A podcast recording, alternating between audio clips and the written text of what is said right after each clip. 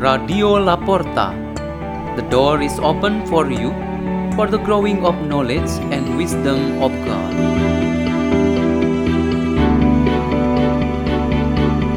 Delivered by Father Peter Tukan SDB from Salesian Community Labuan Bajo Diocese of Ruteng, Indonesia.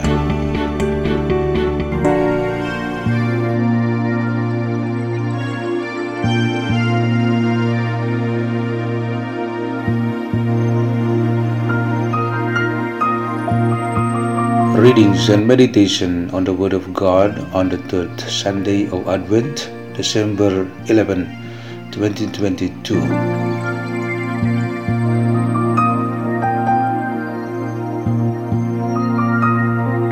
The reading is taken from the book of the prophet Isaiah, chapter 35, verses 1 to 6a and verse 10.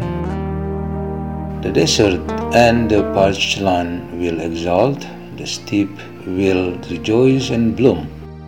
They will bloom with abundant flowers and rejoice with joyful song. The glory of Lebanon will be given to them, the splendor of Carmel and Sharon. They will see the glory of the Lord, the splendor of our God. Strengthen the hands that are feeble, make firm the knees that are weak. Say to those whose hearts are frightened, Be strong, fear not. Here is your God. He comes with vindication, with divine recompense, He comes to save you. Then will the eyes of the blind be opened, the ears of the deaf be cleared. Then will the lame leap like a stag, then the tongue of the mute will sing. Those whom the Lord has ransomed will return and enter Zion singing. Crowned with everlasting joy, they will meet the joy and gladness, sorrow and mourning will flee. The word of the Lord.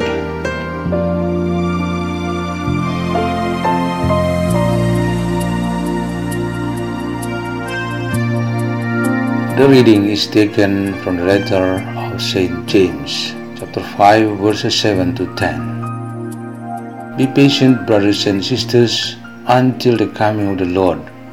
See how the farmer waits for the precious fruit of the earth, being patient with it until it receives the early and the late rains. You too must be patient. Make your hearts firm, because the coming of the Lord is at hand.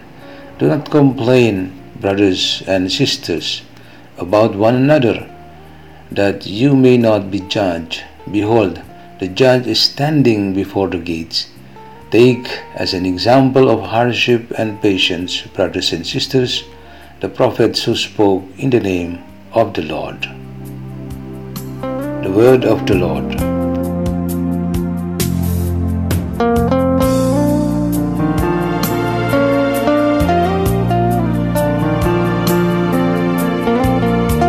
A reading is taken from the Holy Gospel according to Matthew chapter 11 verses 2 to 11. When John the Baptist heard in prison of the works of the Christ, he sent his disciples to Jesus with this question Are you the one who is to come, or should we look for another? Jesus said to them in reply, Go and tell John what you hear and see.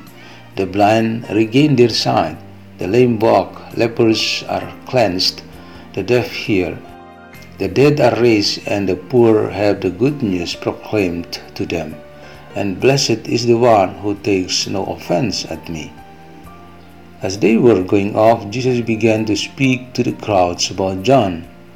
What did you go out to the desert to see? A reed swayed by the wind?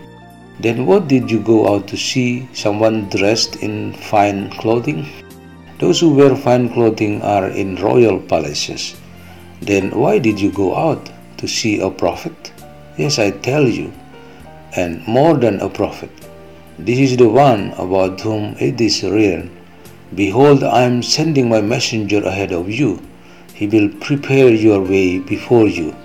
Amen, I say to you, among those born of women, there has been none greater than John the Baptist. Yet the least in the kingdom of heaven is greater than he. The Gospel of the Lord.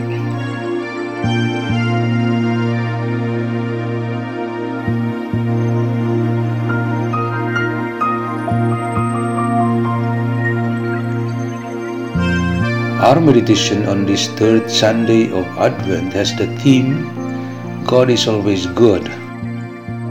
On this third Sunday of Advent, as members of the church, we usually have a joyful celebration. The church tradition guides us to celebrate it as Gaudete Sunday or Joyful Sunday because for its liturgical message that reveals the very near coming of the Lord Jesus Christ. In the preparation to welcome this coming, today the three holy readings together convey the fact that the Lord really comes to do good to us.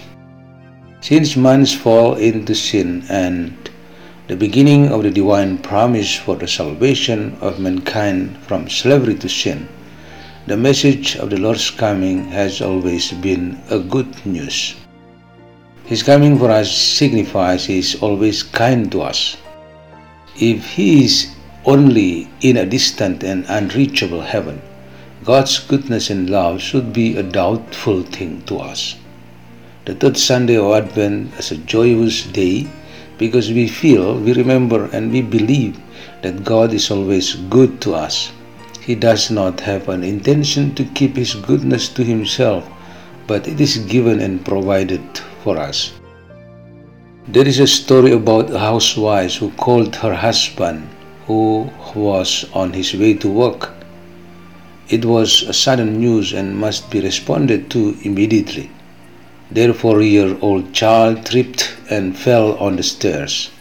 The wife panicked and urgently needed her husband. The husband, who has just arrived at work, should return soon because of his child's bad condition. They immediately took the child to the hospital for intensive care. This man's action is an example of reaching out the problem and immediately solving it. In his acts of love, God always comes to us who have many problems and sufferings. He is the Savior and the giver of solution for our lives. He overcomes our difficulties and various sufferings. He cannot bear with our situation. The first reading and the gospel of today clearly show that God is our helper and our Savior. The Lord's coming is also meaningful for us in completing what is lacking in us. What is meant by lacking here is the spaces of hope, loneliness, and emptiness within us. St. James encourages us that God will soon come to fulfill this lack. And when it was confirmed that Jesus was indeed the promised one of the Almighty God who had come, John the Baptist, along with his disciples and all of us, are made so fortunate and happy to experience the fullness of life. Let's pray. In the name of the Father, and of the Son, and of the Holy Spirit, Amen. O God, may our joy on this third Sunday of Advent strengthen our preparation to celebrate Christmas the anniversary of the birth of Jesus Christ, your Son. Our Father who art in heaven, hallowed be thy name, thy kingdom come. Thy will be done on earth as it is in heaven. Give us this day our daily bread and forgive us our trespasses, as we forgive those who trespass against us. And lead us not into temptation, but deliver us from evil. Amen. In the name of the Father, and of the Son, and of the Holy Spirit. Amen. Radio La Porta. The door is open for you.